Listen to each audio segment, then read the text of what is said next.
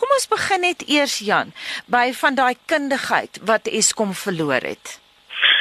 Anita, ja, jammer ek het nie Piet se onderhoud gehoor nie. Ehm um, Ja, kyk natuurlik oor die laaste dekade of so het ons natuurlik baie baie kundigheid verloor. Ehm um, jy weet vir verskeie redes. Ehm um, so dit dit dit het dit maak dit maak dit baie uitdagend, maar jy weet ons het baie planne in plek om uh, ons kundigheid jy weet te kry op die vlak waar dit is.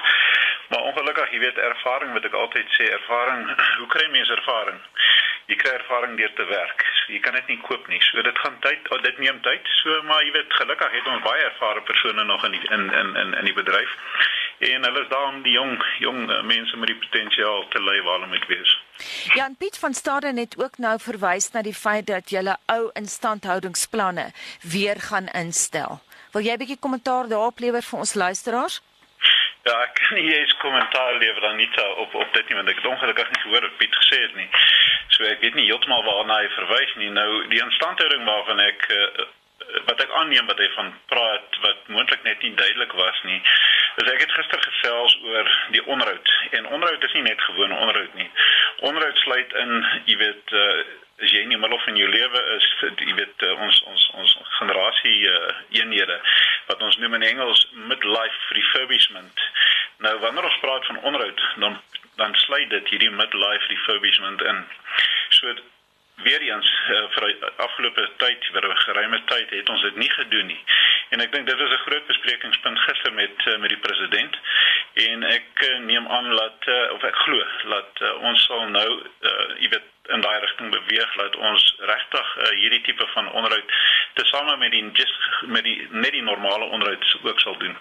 So ek neem aan dis wat Piet van gesels het as hy praat van jy weet ou uh, onderhoudsplanne. So ek neem aan dis wat hy verwys het na.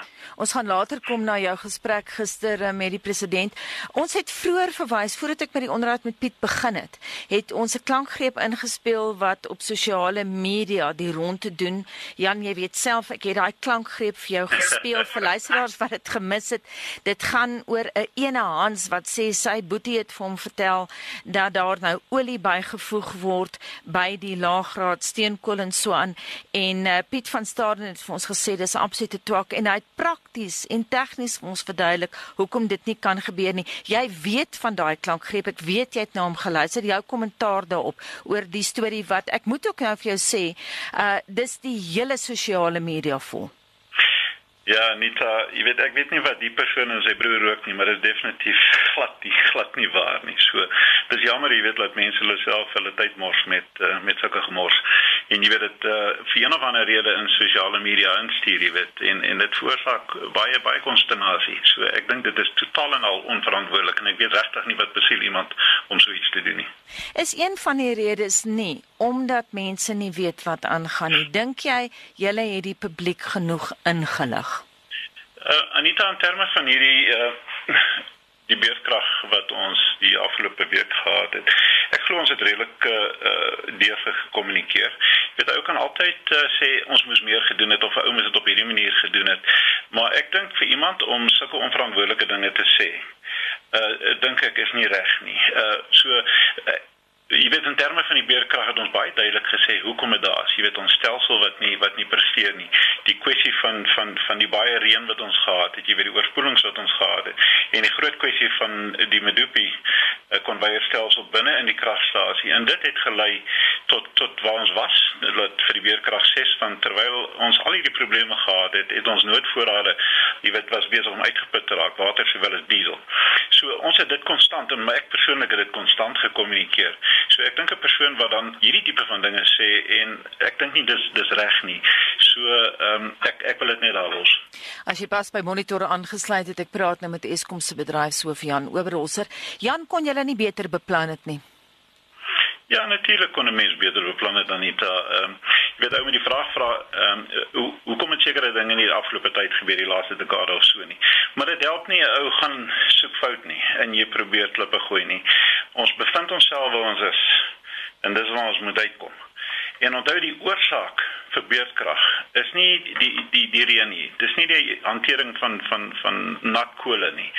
Dis nie hierdie enkele insident wat gebeur het op Medupi nie. Die feit is ons sit met 'n stelsel wat onbetroubaar is.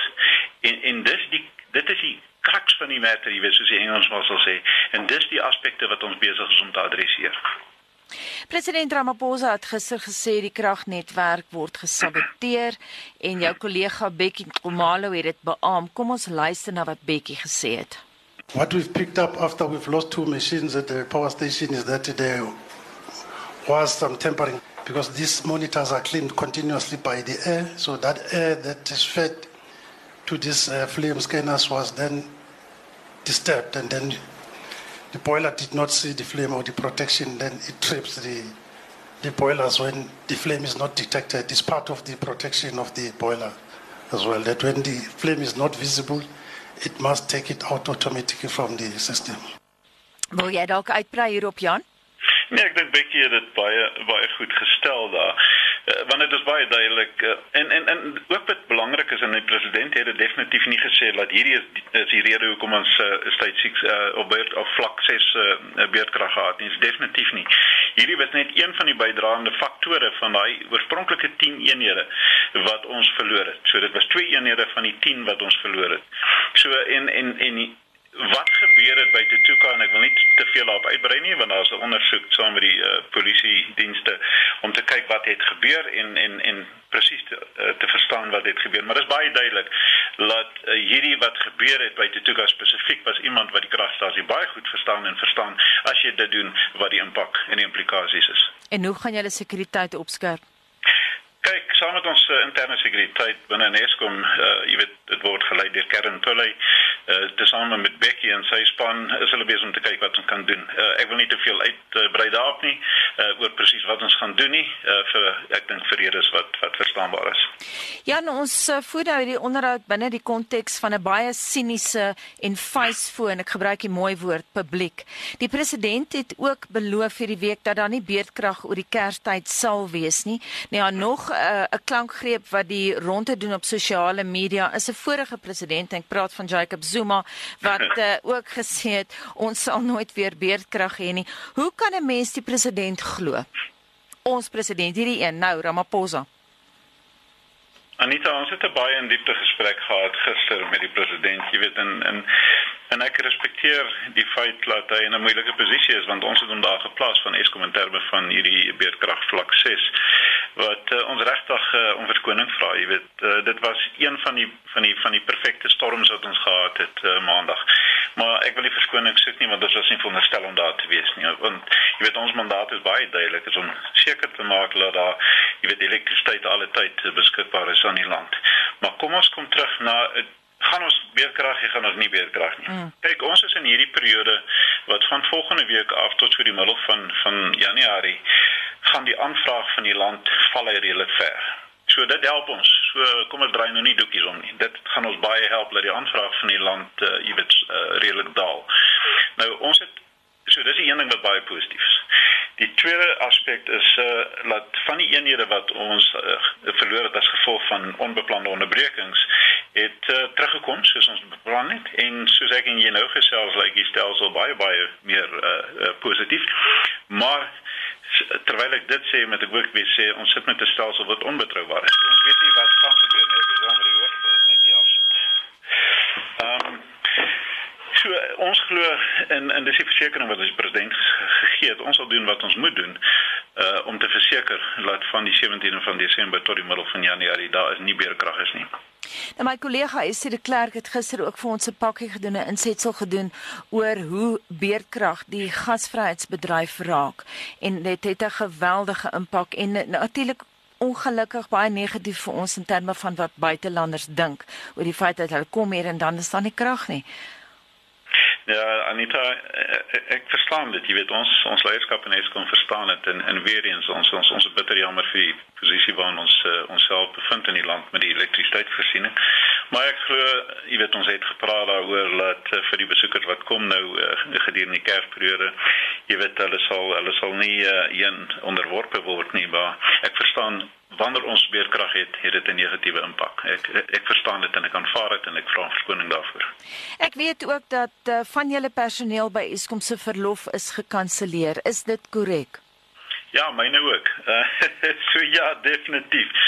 Uh maar kyk uh, in in alle eerlikheid, ehm uh, Ons het hieroor gesels al 2-3 weke terug en 2-3 weke terug het uh, ons uh, interim uh, uh, chief executive uh, op bestuur ag ons uh, bedryfshoof ja, bestuurshoof, ja, bedryfshoof gesê dat al die verlof is gekanselleer en dit is net bevestig met die president gister en die president het dit net bevestig. Wat was Eskom se grootste fout sover? Jy kan nou nie luister na die onderhoud met Piet van Stade nie, maar hy is 'n ingenieur soos wat jy wel weet, hy's 'n kollega van jou, julle ken mekaar. Hy het vir ons 'n hele lys uiteengesit oor die foute wat hy dink Eskom gemaak het. En hy het ook vir ons gesê wat hy dink die lesse wat geleer is, maar ek wil dieselfde vraag tog vir jou vra want jy is in 'n posisie om iets te verander. Wat dink jy Jan Oberholzer was julle grootste fout tot dusver? Ons het nou gepraat aan van, van byvoorbeeld die verlies aan kundigheid. Maar wat sou jy sê was julle grootste fout? Ek persoonlik glo die leierskap is 'n groot kwessie vir my persoonlik. Ek dink die leiers het nie werklik um, uitgeoefen wat hulle veronderstel was as leiers nie. En en en 'n leier vir my is om jou mense, jou kollegas saam met jou te vat uh, om die toekoms, jy weet baie duidelik vir hulle uit te spel konstant met hulle te gesels, te luister na jou kollegas en in duidelik met oop ore te luister en dan baie duidelik uh, in in in daadwerklik te fokus op prestasie. Nou ek persoonlik glo dat dit was vir my 'n groot dit is nog in 'n mate 'n groot leemte laat die leiers uh, van die organisasie verstaan nie baie duidelik wat hulle posisie is nie. En dan bring dit my by die tweede aspek is is om ons mense saam met ons te neem. Jy weet ons mense is ons belangrikste bate in hierdie organisasie. Jy kan al ons kragstasies, al ons netwerke kan tip-top wees. Jy weet dit kan splinternuut wees, maar as jy nie die mense het wat saam met jou is, jou kollegas en jy mooi na hulle kyk en regtig uh, daadwerklik na hulle kyk en hulle laat belangrik voel uh, dan dan dink ek is 'n probleem en ek glo dit is iets wat ons daadwerklik op moet fokus. Sê vir my Jan, sukkel jy met politieke inmenging? uh, ek skuld jou antwoord. Uh, wat kan ek daarin lees?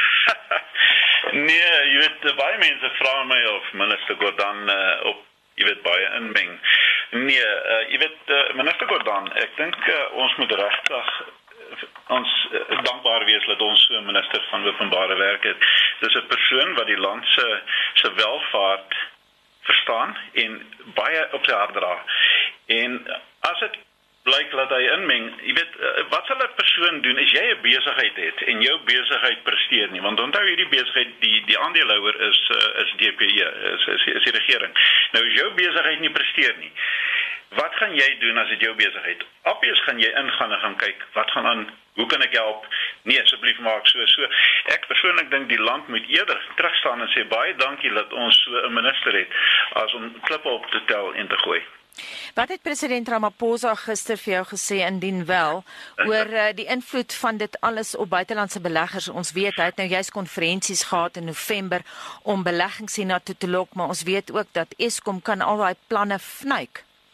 Ja, absoluut. Jy weet die president het baie duidelik gemaak en dis nie dat ons dit nie besef nie. Die president het net weer baie duidelik gestel dat uh, Eskom is die engine kamer van die land se ekonomie. En jy weet is is is hierdie engine nie nie nie presteer nie, het dit 'n negatiewe impak op op die land se se welvaart. So hy het dit baie duidelik weer eens gestel en en in geen geen geen geen doekies omgedraai wat hy van ons verwag nie en wat die land van Eskom verwag nie. So dit was baie duidelik vir ons gestel.